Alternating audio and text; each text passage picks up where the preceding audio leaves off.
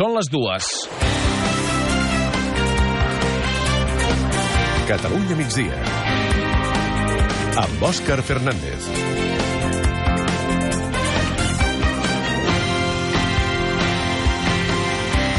Un maquinista de Renfe ha deixat tirats al mig de la província de Palència 110 passatgers d'un tren Àlvia que anava de Santander a Madrid. El maquinista va marxar i els va deixar allà, perquè era la seva hora de plegar, tal qual.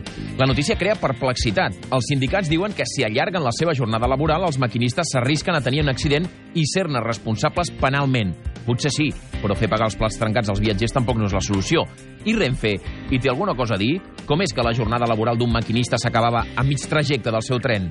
Castigarà el seu treballador que va deixar 100 persones abandonades durant dues hores al mig de no res?